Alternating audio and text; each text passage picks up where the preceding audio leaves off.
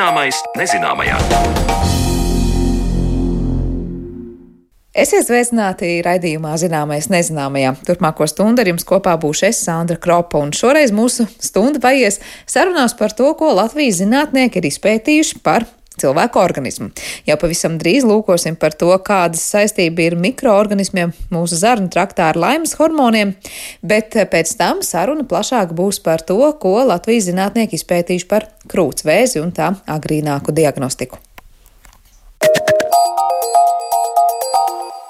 Par laimes hormoniem, jeb endorfīniem, ir atbildīgs ne tikai mūsu smadzenes, bet šie hormoni rodas arī cilvēku zarnu traktā.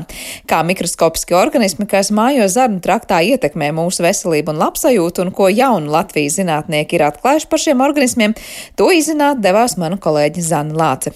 Nereizi vien jau zināmais nezināmajā esam stāstījuši par mikrobiomu, proti par to visu sīksīko ar neapbruņot aci nesaskatāmo būtņu kopumu, kas mīt mūsu organismā un ir atbildīgs par to, kā mēs jūtamies. Mikrobioms gan atvaira slimības, gan ietekmē mūsu imūnsistēmu. Un mēs esam arī stāstījuši par projektu, ko realizē Latvijas biomedicīnas pētījumu un studiju centrs, proti zinātnieki sadarbībā ar brīvprātīgajiem pēta zarnu mikrobiomu, tādējādi palīdzot saprast, kāds ir tieši Latvijas iedzīvotājiem raksturīgais zarnu mikrobioms un kā potenciāli mainot mikrobiomu sastāvu var samazināt ar to saistītās saslimšanas un veselības problēmas un prognozēt medikamentu efektivitāti efektivitāti un blakus parādības.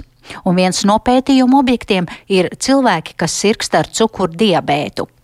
Plašāk par šo pētījumu stāsta molekulārā bioloģe Latvijas biomedicīnas pētījumu un studiju centra pētniece Ilze Elbere.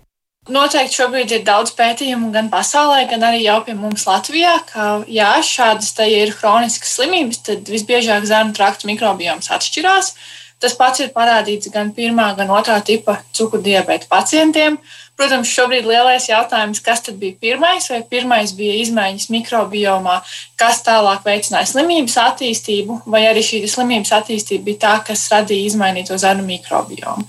Šobrīd pētījumi rāda, ka patiesība ir kaut kur pa vidu, ka varētu būt varbūt arī tāda, tā teikt, labvēlīgā zarnu mikrobioma kompozīcija, kas pētījumos ir parādījusi, ka varētu pasargāt no šādu slimību attīstības un uh, izveidošanās, jo, kā mēs zinām, šīs slimības veidojas kombinējoties gan ģenētiskajiem faktoriem, gan arī vides, tā skaitā šim zarnu mikrobiomam. Un, ja mēs skatāmies uz to, kas tad ir citādāk šiem pacientiem, piemēram, otrā tipa cukurdiabēta vai pirmā tipa cukurdiabēta pacientiem, tad bieži vien viņiem šis mikrobioms ir ar mazāku daudzveidību, respektīvi tur ir mazāk šo dažādo baktēriju, kas spēj veikt mazāk funkcijas. Viena funkcija, kas ir novērota būtiski samazināta, ir tāda savienojuma kā īso ķēžu taukskābju ražošana. Kāpēc tas ir svarīgi? Jo šīs īso ķēžu taukskābes palīdz uzturēt gan veselu mūsu sarnu sieniņu, samazināt dažādus iekaisumu procesus organismā, tās uh, regulē vispār metabolismu, un pat jaunākie pētījumi rāda, ka šie mazie savienojumi spēj komunicēt, jeb nodrošināt komunikāciju starp mūsu zarnu baktērijām un mūsu pašu smadzenēm. Vai es varu lūgt sīkāk jā, pastāstīt par šo sasaisti smadzenēm un zarnu baktērijām? Tas ir šobrīd ļoti tāds arī populārs pētniecības lauks noteikti. Arvien vairāk parādās jā, rezultāti, ka tur ir sasaiste. Visbiežāk tas notiek jā, ar šīm mazajām molekulām, jeb, piemēram, īsoķējušu augstskābēm, kad zarnu mikrobioms var sūtīt kaut kādus signālus, kas var ietekmēt mūsu labsajūtu. Tāpat arī ir parādīti pētījumi, ka cilvēkiem, piemēram, ar autismu vai Alzheimer slimību, arī ir izmainīts šis zarnu mikrobioms. Tur gan joprojām aktuāls ir jautājums, kurš bija pirmais, atkal tāpat kā pie citām šīm kroniskajām saslimšanām.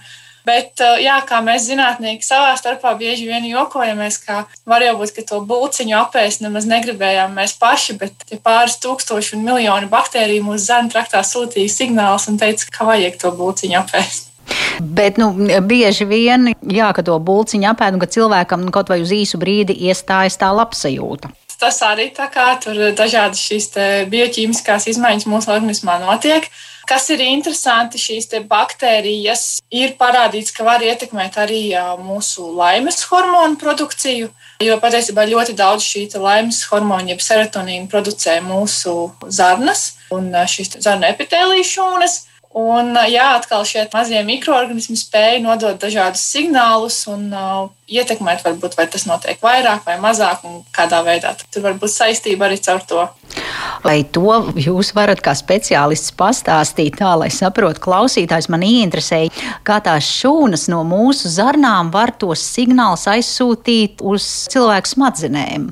Tas notiek tātad, nu, visbiežāk var uh, būt kā šīs īsoķējušas augstskābes, piemēram, ko es jau minēju, nonāk mūsu asinsritē un tad tālāk jau aizceļo, vai arī šie dažādie bioķīmiskie savienojumi var ietekmēt ar zarnu traktu saistīto nervu sistēmu, jo patiesībā ap mūsu zanām ir ļoti daudz šo neironu, tāpēc vēders arī reizēm tiek saukts par otrajām smadzenēm. Un, jā, tā tad var ietekmēt šo nervu šūnu signālus un darbību, kas ir ap šo zārnu traktu. Tad šīs nervu šūnas tālāk arī var komunicēt uz tām, jau, kas mums ir smadzenēs, galvas. Tik tālu par to, kā mikrobioms ietekmē mūsu organismu, bet kas ir tie faktori, kas savukārt ietekmē pašu mikrobiomu? Tas ir gan uzturs, gan fiziskās aktivitātes un medikamenti. Un, kā norāda pētnieki, tad arī geogrāfiskais izvietojums, proti vieta, kur cilvēks dzīvo, un līdz ar to, kādus produktus izvēlas savā ēdienkartē, ietekmē mikrobiomu. Par to turpina Ilze Elbere.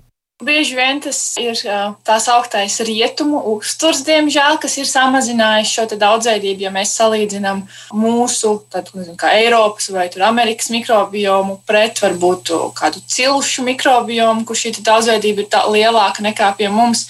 Un, nu jā, šis uzturs ir bagāts ar cukuriem, piemēram, nu, kas noteikti nomāca. Ja tur būs daudz šo cukuru, tad uh, tas ietekmēs un veicinās konkrētu veidu baktērijas savairosies vairāk. Un tajā pašā laikā jau arī, nu, būsim godīgi paši pret sevi. Mēs mēdzam būt varbūt slinki vai vēl kaut kā, vai mums ir mūsu mīļākie ēdieni, vai tur maizītes katru rītu, un tas kā ieradums turpinās ilgstoši, tad, nu jā, mēs šo daudzveidību neieviešam. Mums noteikti kaut kāda eksperimentēšana, jaunu dažādu ēdienu pamēģināšana vai sezonalitātes sekošana savā uzturā noteikti veicinās mikrobiomu labsajūtu. Kā jau sākumā minēju, pastiprināti tiek pētīti cukura diabēta pacienti un viņu zarnu sīksīko iemītnieku kopa. Un, kā teica Ilze Elbere, tad ir novērots, ka tieši Latvijas cukurslimniekiem ir visai atšķirīgs zarnu mikrobioms, un mūsu pētnieki ir pamanījuši, ka tieši otrā tipa cukurdiabēta pacientiem Latvijā, lietojot zāles metformīnu, iztrūkst viena laba zarnu baktērija. Tas ir viens no iemesliem, kāpēc, neskatoties uz to, ka pasaulē daudzās valstīs veids pētījumus gan par mikrobiem, gan par veselību, dažādām slimībām, mums joprojām nav kopsaucēji. Un bieži vien šo pētījumu rezultāti pat ir pretrunīgi. Un tas, kas ir noskaidrots, ka šis zārnu mikrobioms mums katram, pirmkārt, jau katram pašam ir unikāls, var teikt, kā pirkstu nospiedums. Un otrs, tas bieži vien ir populācijas, jeb geogrāfiskās lokalizācijas specifisks. Protams, tam ir vairāk loģiski pamatojumi. Pirmais jau, piemēram, mēs noteikti ikdienā tas uzturs vai kaut kāda specifiska ēdiena atšķirsies no tā, kas ir Latvijā, kas varbūt ir Francijā, Vācijā vai Amerikā. Plus vēl dažādas temperatūras, arī īpatnības un nu, paradumi. Protams, arī tas, ka mēs miedarbojamies ar apkārtējiem cilvēkiem, to visu ietekmē. Bet jā, šis fakts, ka dažādās populācijās mikrobioms atšķirās, ir viens no iemesliem, kāpēc mēs arī kā biomedicīnas pētījumu studiju centrs uzsākām šo iniciatīvu. Jo mums interesē, kas tad ir šis mikrobioms Latvijas populācijā. Skatoties uz diabetes pacientiem, mēs arī redzējām dažas atšķirības, kas nesakrita varbūt ar citur zinātniskajā literatūrā esošajām lietām.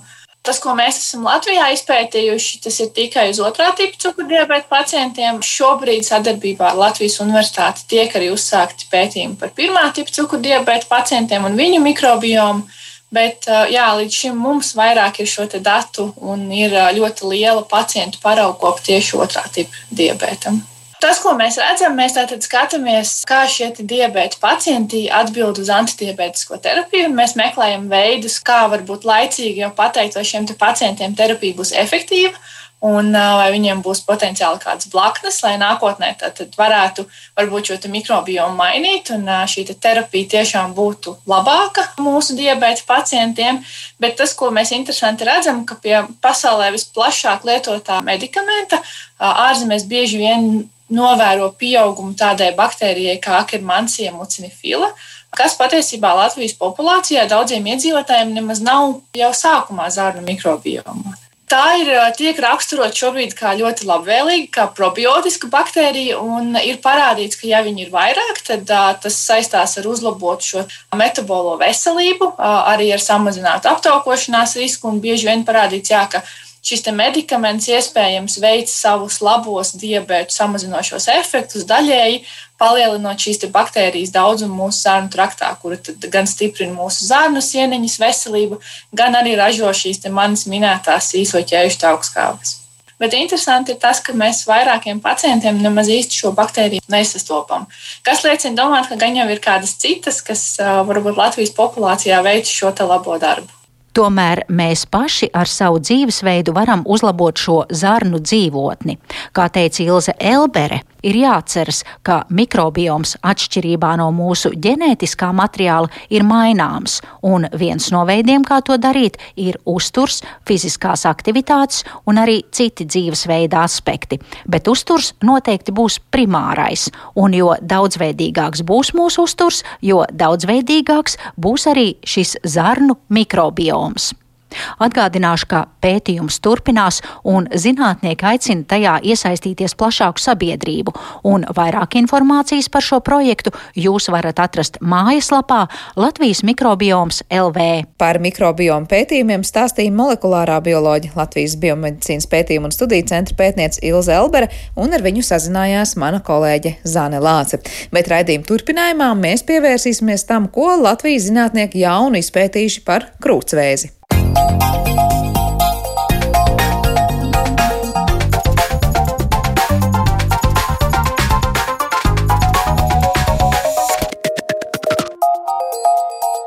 Zināmais nezināmajā. Rīgas Stradiņa universitātes pētnieki ir atklājuši līdz šim vēl neapzinātu gēnu mutāciju, kas veicina pārmantotā krūtsvēža attīstību. Par šo atklājumu un izaicinājumiem saistībā ar krūtsvēzi un tā pētījumiem Latvijā un citviet pasaulē, tad no nu arī mēs runāsim rēdījuma atlikušajā daļā.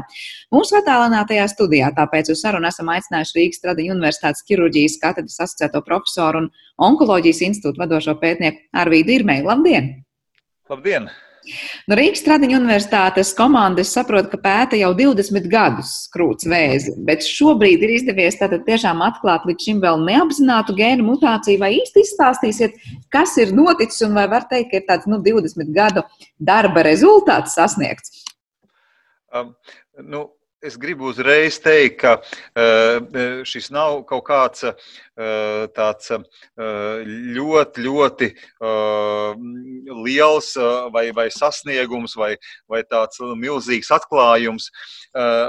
Bet būtība ir tāda, ka uh, apmēram 20 gadus atpakaļ, kad uh, tika pārmantotais krūts vēzis sākts pētīt, tad uh, tika pieņemts, ka Latvijā ir trīs šīs gēna izmaiņas, kuras ir visbiežāk. Un tas arī bija tas Stradeņu universitātes lielais ieguldījums, ka faktiski šo 20 gadu laikā tur apmēram 5000 krūts vēža pacientus tika izmeklētas, un zināmā mērā tai hipotēzei sākotnējai, jo, jo tās izmaiņas arī tāpat līdzīgas ir gan Lietuvā, gan Igaunijā, gan Polijā, gan Baltkrievijā, nu, tika kā iegūts tas apstiprinājums. Tomēr vien no, viens no tiem trīs paveidiem bija krietni, krietni retāk. Un, Tā kā parādījās jaunu izmeklēšanas iespējas, ka mēs ne tikai skatījāmies atsevišķas gēna daļiņas, bet visu to BRC1 un 2 gēnu, tad izrādījās, ka ir viens cits šis saucamais patogēnais variants, kurš patiesībā ir biežāks par to, par to trešo biežāko, kas iepriekš bija domāts. Nu, kā, nu, tas ir tāds zināmā mērā mums tāda nu, negaidīta atrade, un tāpēc varbūt arī mēs par to jūtamies gandarīti. Bet cik sanāk nu, tas būtiskums tam visam? Jūs atradāt, piemēram, šo gēnu mutāciju. Tas var teikt, nu, procentuāli, tad tiešām tie ir tie 5% apmēram no visām uh, visām sievietēm, kas iespējams saslimst ar krūts vēzi, kurām ir šī ģenētiskā pārmantojamība. Jūs... Jā, mēs tagad nerunājam par to e, jauno, bet mēs runājam vispār par e, visiem tiem uh, izmaiņām. Un tā tas arī ir, ka katrai 20. sievietei, kur saslims ar krūts vēzi, uh, šo izmaiņu uh, atklāja. Tas ir daudz vai maz uz tā visa fona šie katra 20. Ja tā var teikt, nu, tagad atklāt šādu izmaiņu, mēs 5% pacientu varam, var teikt, nu, tā kā laikus pateikt, diagnostika ir pieejama, vai uzmanieties, vai varbūt ārstēšanu uzsāciet ātrāk.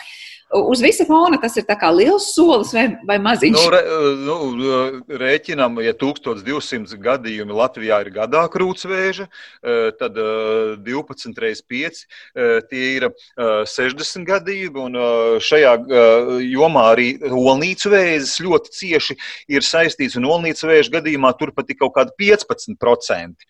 Uh, uh, un nu, tie olnīcu vēži atkal nav tik daudz, bet beig, beigās nu, tās ir tuvu simts pacientes gadā, uh, kuras saslimst. Un, tad, tad pirmām kārtām viņām ir nepieciešama savādāka ārstēšana, tāda personalizēta, individualizēta, bet otrs, ka tieši kā jūs teicāt, ka viņas varētu arī pat ideālā versijā nesaslimt. Vēl es paskatījos, jūs tajā pētījumā teicāt, ka nu, no tām, kurām ir šis ģenētiski pārmantojamais vēzis, tad 80% gadījumu tas patiešām dzīves laikā arī nu, piemeklē konkrēto sievieti. Uh, Varbūt jūs varat pakomentēt nedaudz šo aspektu, nu, kā tas ir, tātad, no kā tas ir atkarīgs. Un var tomēr teikt, nu, ja reiz sieviete zina, ka ģenētiski tā varbūtība ir saslimta ar vēzi, tas tiešām būtu tā kā tās nu, teju vai simtprocentīgas spriedums, ka nu, dzīves laikā tas noteikti izpaudīsies. Jā, nu tur to intervālu min 50 līdz 80 procenti. Un uh, ko tas nozīmē? Uh, ka uh, tur ir kaut kādas lietas, ko uh, sieviete uh, var uh, ietekmēt, un ir uh, kaut kādi riski, uh, ko sievietei grūtāk būtu ietekmēt, kā piemēram krūšu blīvums, ko sieviete pati var ie, uh, ietekmēt, kaut kāda reproduktīvās veselības faktori, Eh, ka ir eh, pirmās dzemdības ir pirms 30 gadiem, un eh, ir vairāk bērniņi, ir un ir barots ar krūti. Arī tiek runāts par alkoholu, ka tas arī varētu šo intervālu tuvināt tiem 80% pa kaut kādām daļiņām. Nu, kaut kā tā. Jā, varbūt jūs varat nedaudz ieskicēt sīkāk, kas ir tās dzīves laika apkārtējās vides ietekmē, nu, tās riska riska, riska faktori, kas pietuvina pie tiem 80%. Jūs teicāt, piemēram, alkohols vai bērnu barošana. Tad var teikt, jo ātrāk ir tā pirmā grūtniecība, jo risks samazinās. Tieši tā. Jā, jo ja kaut kādi nedaudz procentu punktiņi nāk klāt, ja pirmās dzemdības ir eh, pēc 30 gadu vecuma, piemēram. Un tomēr, lai tas šobrīd neizklausītos tik ļoti sāsināti, varbūt, ka jebkura sieviete pēc 30, kas, kas klausās mūsu sarunu, neķer galvu. Nu, kā, kā atrast to zelta vidusceļu, kur no vienas puses neteikt, nu, ja ir šāds skrīnings iespējams, un cilvēki zina jau laikus, kad ir kaut kādi iespējamie gēni, kas ir šie riska faktori, nu, tomēr atkal nespra, neiet tajā otrajā grāvī, neskriet un neteikt, nu, tad viss mana dzīve ir norakstīta, es pēc cik un cik gadiem saslimšu ar krūts vēzi. Nē, nu, nekādā ziņā nē.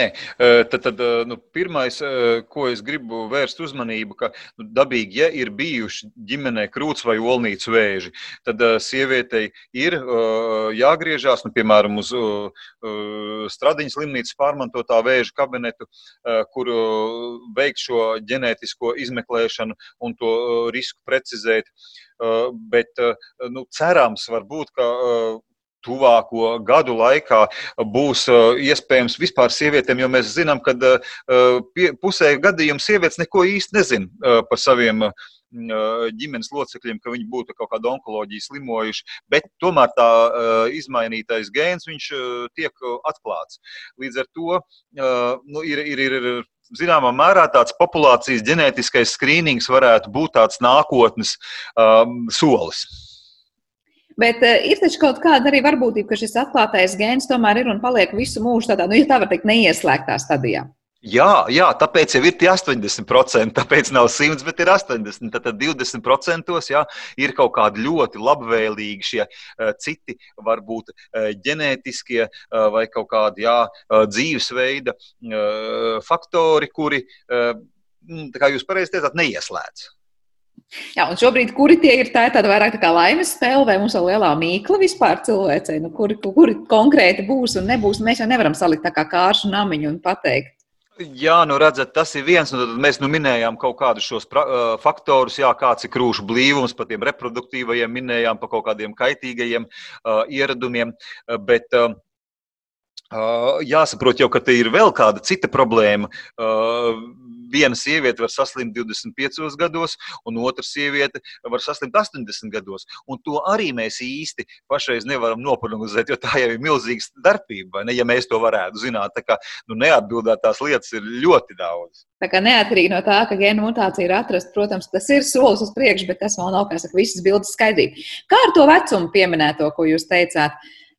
Vai tiesa, ka sievietēm, kurām ir šī pārmantotība, tad šis šie gēni būs atrasti, tās risks saslimt ar krūts vēzi ir jau pēc 20 gadu vecuma, un savukārt no tām, kurām tā uh, pārmantotība nav, nu tur ne ātrāk, gan drīzāk pēc 40, 50 gadu vecuma. Nē, nu mums te jāsaprot, atkal, ka mēs runājam par intervāliem un mēs runājam par vidējo vecumu. Tad, tad pārmantotam krūts vēzim, kur ir šī ģenētiskā izmaiņa, vidējais vecums ir 45 gadi, kad sieviete saslimst, bet tad, tad jāsākot jau tūlīt no 20 plus līdz, līdz, jā, līdz mūža beigām. Un savukārt šim ko mēs nezinām, ka viņš būtu saistīts ar pārmantotību.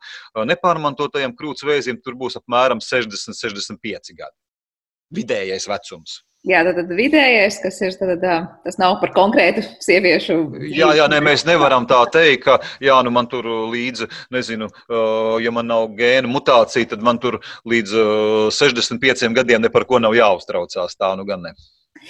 Tas, kas ir atklāts, vai tas ir saistoši arī, piemēram, citu valstu pētniekiem un citu valstu sabiedrībām, vai tomēr šī gēna mutācija ir kaut kas, kas ir aktuāli konkrētās populācijās, un tagad var teikt, nu, ka šādu mutāciju meklēt, es nezinu, Lietuvas sieviešu vidū vai, vai Itālijas sieviešu vidū ir vai nav jēgas? Ne, tas, paldies šis ļoti būtisku. Es mēģināšu vēl vienreiz tad, tad, nu, mēģināt paskaidrot, lai, lai vieglāk saprast. Tad, tad ir divas stratēģijas, kā var ģenētisko izmeklēšanu veikt. Un šī pirmā senākā stratēģija ir ņemot vērā, ka savā laikā, lai to BRCA1 un 2 gēnu pilnībā pārbaudītu, tas maksāja kaut kāds 2 3000 eiro. Tas vienkārši arī nu, mūsu teiksim, valstī nebija paceļama tāda lieta. Tad ļoti svarīgi bija šīs biežākās mutācijas. Kuras tad ir biežākās? Jo zinot šīs biežākās, tad, tad varēja šīs izmaksas uz kaut kādiem 50 eiro samazināt, nu, kas ir milzīga starpība. Tagad ar jaunajām tehnoloģijām šī pilnā gēna izmeklēšana maksā apmēram nu, 300 plus mīnus eiro. Un tas droši vien turpinās vēl samazināties. Bet joprojām tie nav 50 eiro. Un tad, tad, nu, ko mēs varam teikt? Tad, tad līdz šim gan Stradiņas slimnīcā, kur šos biežākās mutācijas noteica, vai piemēram Gulbi laboratorija, vai arī kādas citas privātās laboratorijas noteica šīs uh, biežākās gēnu mutācijas, nevienai no tām šajā biežāko mutāciju panelī šī mutācija nebija iekšā. Ja? Un tad, tad, nu, tas ir tas, ko nu, tā saikne var būt starp zinātni un to reālo praktisko pielietojumu, ka visām laboratorijām tagad vajadzētu steidzīgi pārskaņoties un savu metodoloģiju izmainīt atbilstoši jaunai atradēji. Un ņemot vērā, ka šī, šīs jaunās tehnoloģijas par tiem 300 eiro, ir ienākušas tikai nu, kaut kādus pēdējos 4-5 gadus, arī kaimiņu valstīs nav veikti uh, milzums daudz izmeklējumu šie pilnie. Un līdz ar to iespējams, ka varbūt ka, ka vēl kaut kas atklāsies, bet līdz šim šķiet, ka mums jau gribās būt kaut ko unikāliem. Bet, nu, droši vien jau ka laiks noliks pa vietām. Nē, bet vairāk tas bija stāsts par to, vai, piemēram, tas, pie kā šobrīd ir strādājuši Latvijā pētnieki, ir devis ieguldījumu arī tajā, kā, piemēram, mēģina nu, palīdzēt daudzām sievietēm nesaslimt ar krūts vēzi, piemēram, pētnieki citās valstīs. Un līdzīgi, vai mēs varam teikt, ka tas, ko ir izpētījuši, piemēram, tagad tur Itālijas pētnieki, un ja viņi ir atraduši kādu arī gēnu, kas saistās ar iedzimt krūts vēzi, tad palielinātu risku saslimšanu. būtu saistāms arī to, ka mēs Latvijā varētu teikt, lūk, ir jā, jāmeklē arī šādi, šādi, šādi gēni, lai saprastu, kurai sievietei tas risks ir augstāks un zemāks. Jā, nu tad, tad uh, skaidrs, ka bagātajās valstīs pamazām jau iet projām no šo biežāko variantu testēšanas, tāpēc ka viņi var atļauties tos 300 eiro samaksāt un visu pārbaudīt, un viņiem šis uh, biežāko variantu nu, nozīme vairs jau zaudē savu vietu. Bet uh, es domāju, ka vēl uh, mums un tāpat tās arī kaimiņu valstīs, kaut vai tajā pašā Baltkrievijā, kaut vai tajā pašā Krievijā, varbūt arī Lietuvā, uh, es domāju, ka tā ir ļoti būtiska lieta, un es domāju, ka šo valstu zinātnieki arī to uzzinot, nu, viņi to pārbaudīs. Un iespējams, ka arī viņi atklās, ka viņiem šo biežāko izmaiņu panelī arī šī izmaiņa būtu jāiekļauj. Kā jūs paredzat, kā šī situācija attīstīsies tālāk, nu, pie mums Latvijā? Tad mēs tagad zinām, ka mums ir konkrētā gēna mutācija, ko esat atklājuši un kas būtu jāiekļauj. Vai tas tiešām vainagosies, kā saka, dzīvē, reālajā ar panākumiem, ka būs pieejams šādas analīzes, būs pieejams ļoti agrīnā eh, stadijā jau tiešām diagnosticēt šo saslimšanu sievietēm, vai tas vairāk būs tā, ka mums ir zinātniski pieejams institūts, in, in, instruments, atvainojiet, un tajā pašā laikā, nu, reālajā dzīvē līdz tai ārstēšanai un tai diagnostikai netiksim, vai, piemēram, sievietes baidīsies veikt šādus testus? Nē, nē, nē.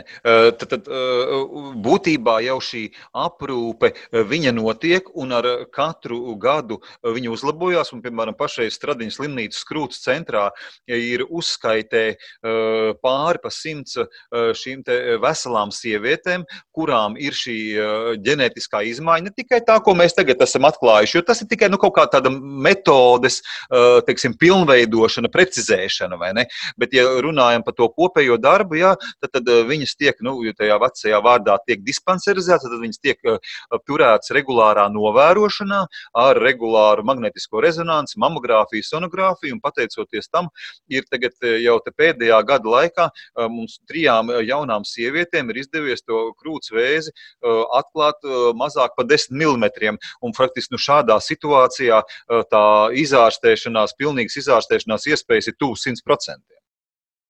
Tā kā vairāk tas varētu būt kā iedrošinošs instruments, nevis biedējošs. Jo ļoti bieži arī saka, ka nu, mēs kā cilvēki nenovērtējam šīs iespējas, ko var sniegt genē, ģenētiskās analīzes, ko mēs varam pateikt, nu, ar ko ir dzīves laikā lielāks risks saslimt. Nu, jā, mums tas ir jāsaprot. To, protams, ir grūti, jā, bet, bet ja, ja ir. Uh, Teiksim, pieņemšanā 40, pieņemsim, vakardien, nu, labi, tur nebija izmaiņas, bet 49 gadu sieviete, kurai ir uh, jau, teiksim, tās vēža šūnas padus limfmazglos, ir, ir varbūt jau trešā stadija. Nu, ne, tā ir pacientei traģēdija, un, un arī ārstam. Ārsts nav priecīgs. Skaidrs, ka tiek darīts viss, un tās iespējas ir, un arī šādos gadījumos ir iespējams sasniegt labu rezultātu. Ja? Bet nu, tas, kas tam ir gājis cauri, ja, pajautājiet viņam, ja? viņš izdarīs visu, lai, ja, ja viņam būtu bijusi iespēja, lai viņam nebūtu tādā situācijā jānonāk. Kā notika pats šis pētījums? Kā jūs tikāt līdz šādai konkrētai gēnu mutācijas atrašanai? Nu, kā jau teicu, jā, ka, uh, tad, tad mums bija diezgan daudz gadi, varbūt kaut kādi uh, 10, 15 gadi, kad mēs pārbaudījām tikai šīs trīs biežākās, un apmēram bija skaidrs, jā, ka mēs tuvojamies kaut kādiem 4, 4,5%. Un, un tiešām, nu, zināmā mērā, notika kaut kas tāds, kas uh, nu, bija tā ārpus mums, jo uh, šī izmaiņa, es jau jā, tur rakstīju, ka būtībā visdrīzāk tie zinātnieki, kas Latvijā to nodarbojās, viņi jau šo izmaiņu bija konstatējuši. Bet ņemot vērā, ka līdz 2015. gadam pasaulē šī izmaiņa netika uzskatīta par slimību ierosinošu, ja, tad tādas izmaiņas veicot ģenētiskos izmeklējumus ik pa brīžam, tas nav nekāds retums un būtībā to kā kaut ko tādu nu, otršķirīgu noliek labākajā gadījumā kaut kur plauktā. Ja? Un tajā, šajā 2015. gadā tieši izrādījās, ka tomēr pasaulē bija pietiekami savākt pierādījumi, ka viņa ir slimību veicinoša. Tas sakrita to, ka mēs 16. gadā uztaisījām, nu, parādījās šīs jaunās tehnoloģijas, ka mēs varējām pārbaudīt pilnu šo BRCA1-2 gēnu. Un tur jau mēs pirmajā reizē kaut kādas pāris jau tās konkrētās izmaiņas atradām. Un tad viena, vēl otra, trešā, ceturtā, piektā, un mēs sākām nu, skatīt paskatīties, nu, kaut kas ir tāds ļoti aizdomīgs. Nu, diez vai tā ir tikai sakritība. Ja? Un tad mums ir ar, ar, ar RSU granta palīdzību bija jau tādas uh, simts augstu riska pacients iespējams šādā veidā pilnu to gēnu pārbaudīt, un tur mēs vēl kādas uh, desmit atklājām. Nu, tad jau bija skaidrs, jā, ka, uh, ka, ka, ka tā nav tikai nejaušība. Bet vai, vai kā to skaitu, cik daudz sievietes piedalījās pētījumā, vai tas bija pietiekoši, vai jūs, prāt, tur varētu vēl un vēl un vēl iekļaut tādas augstas riska pacientus? Nu, to noteikti ir vēl, vēl daudz darāmā, un, un ņemot vērā, jā, nu, mēs iekļāvām tādas, kuras bija tādas ļoti aizdomīgas, bet noteikti, ka mums vēl ir kaut kas mūsu datubāzē, kas vēl ir paslīdējis garām. Un, ir, ir darbs, netrūkst uh, uz priekšdienām. Kādi ir tie turpmākie soļi, kas notiks? Vai kas, kam būtu jānotiek, lai tālāk šis virzītos uz priekšu? Nē, nu, nu, tā, tas ir tāds obligāts solis, tad, tad ir kaut kas atklāts, un tas uh, no diagnostiskā viedokļa un no tāda ekonomiskā viedokļa, tad, tad ja mēs varam šo savu testa precizitāti, nezinu, nu, palielināt pa kaut kādiem 5-10%, ja nu, no kaut kādiem varbūt, es nezinu, no, no, no kaut kādiem 85 uz 95%, tā ir milzīga lieta. Ja? Un, un, un tas ir jāievieš ikdienā, un, un, un, un, un lai arī nav valstī jāpārmaksā par tām pilnajām izmeklēšanām. Uh, kā, nu, tas ir jāievieš, un, un lai pacientiem no tā būtu labums. Bet tālāk pētniecībā vai ir kaut kādi tālākie soļi vai vēlmes, nu, kas būtu tālāk jādara? Nu, tā, tas jau ir tā. Uh, uh, varbūt uh, nianses. Nu, uh, ir, ir, es domāju, ka tas, ko es teicu, jā, ka uh, nu, vēža, teiksim, sevišķi krūts vēža, tas pats arī ir pa olnīcu vēzi. Tad, tad agrīna diagnostika, nu, lai cik jau tas būtu, varbūt daudzreiz skandēts un atkārtots, tas tomēr ir visas veiksmes un labā iznākuma pamatu pamats. Un, ja mums ir šādi te marķieri, teiksim, kuri mums jau pasaka, ka, ka tas risks ir augsts, kamēr vēl tā slimība pati tā vēža šūna vēl nav tajā organismā vispār izveidojusies. Ja?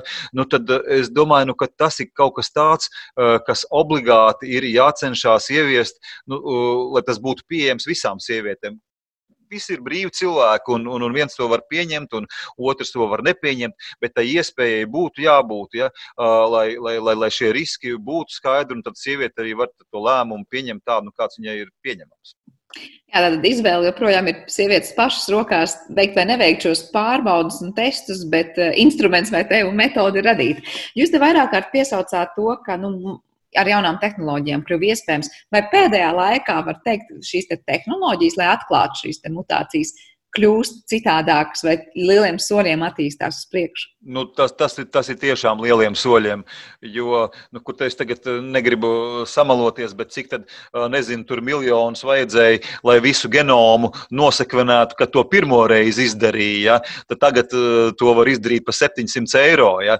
Tā kā nu, ir jāsaprot, ka, ka šīs tehnoloģijas tiešām attīstās ļoti strauji, un, un, un, un, un, un, bet tas ir ļoti labi, jo, jo, jo šajā jomā tam ir liels, liels pielietojums. Bet tā ir tā, tā kā revolūcija pašā tehnoloģijā, vai vienkārši nezinu, tas ir lielāks datu apjoms, ar ko sistēmas māca strādāt, vai tas ir kaut kāds daudz jutīgāks iekārtas, vai tas ir vienkārši daudz lielāks nu, analizējumu materiālu skaits.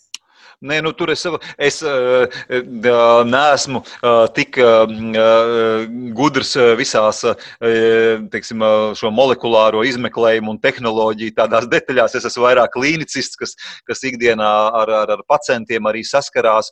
Bet nu, es saprotu, ka tie ir kaut kādi principiāli soļi tehnoloģijās, jā, kuri, Eh, kuri, kuri, kuri to palīdz. Bet es saprotu par statistiku runājot par saslimstības biežumu gan Latvijā, gan citviet pasaulē. Nu, krūtsvējas tā ir viena no slimībām, par kurām mēs sakām, katru gadu tā kļūst arvien izplatītāka.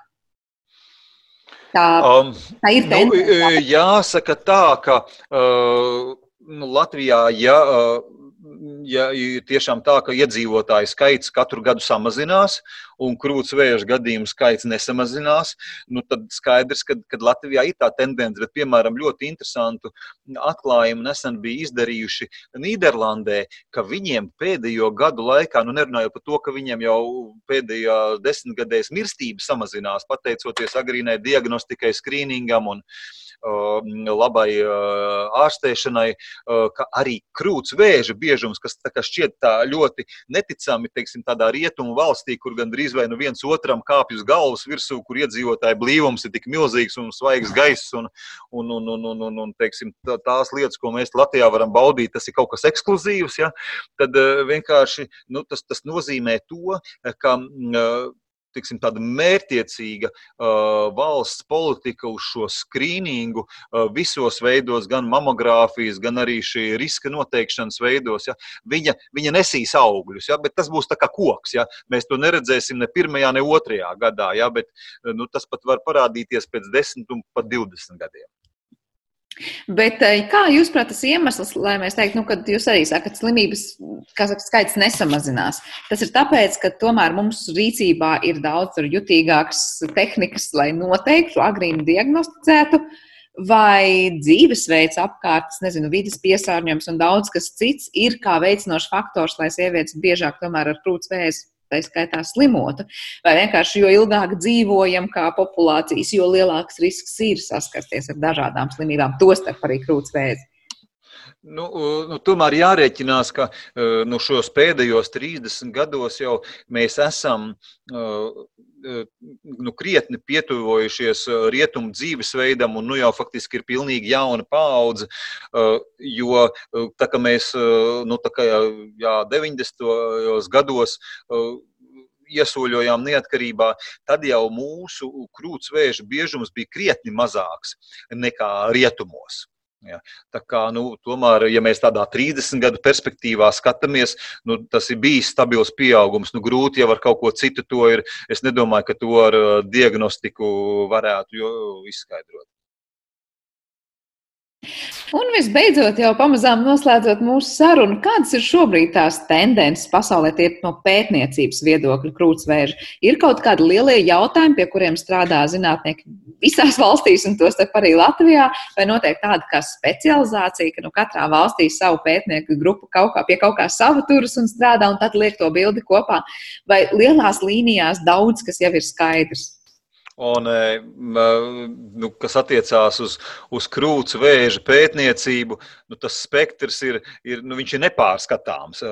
Jā, sākot, notiek dažādi šie, ko mēs runājam, ģenētiskie pētījumi, un notiek dažādi attēlu diagnostikas pētījumi, kā to uzlabot, un notiek dažādi medikamentu pētījumi, un notiek bāzes bioloģijā, jo vēzim viena no lielām problēmām ir tā saucamā heterogenitāte. Ja. Tad, tad, lai gan nu, tas ir izmeklējumā redzams kā viens bumbulis, divi vai trīs centimetri vienalga, bet īstenībā šūnu līmenī tur ir dažādi šie šūnu kloni, un kādreiz tā ir pietiek ar varbūt dažām šūnām, kuras uz to esošo terapiju nav jūtīgas, it kā audzējas pēc terapijas pilnībā pat vai, vai, vai nu gandrīz izzūd, liekas, o, oh, būs ļoti labi, ja?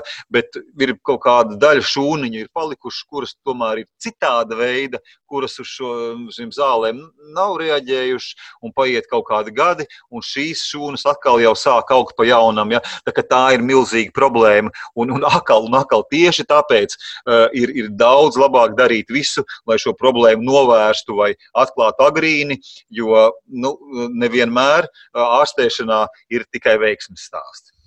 Bet šī heterogenitāte, kā jūs teicāt, ka tad daudzi gēni būs iesaistīti vai ne daudzas dažādas izmaiņas. Tā var vienkāršot teikt, vai tas ir pārāk vienkāršots?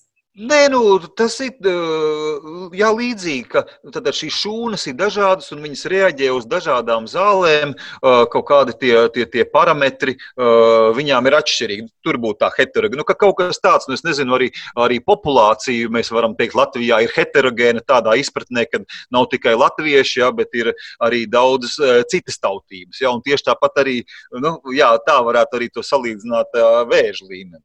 Bet tajā konkrētajā gadījumā var teikt, ka krūts vēža gadījumā tā varbūt dažādība ir lielāka kā citu audzēju gadījumā. Var teikt, ka pētīt un noķert to krūts vēzi ir grūtāk par citiem. Nē, nē, es domāju, ka tas ir kaut kas tāds, kas ir diezgan uh, tāds, uh, līdzīgs uh, lielākajā daļā uh, gadījumu.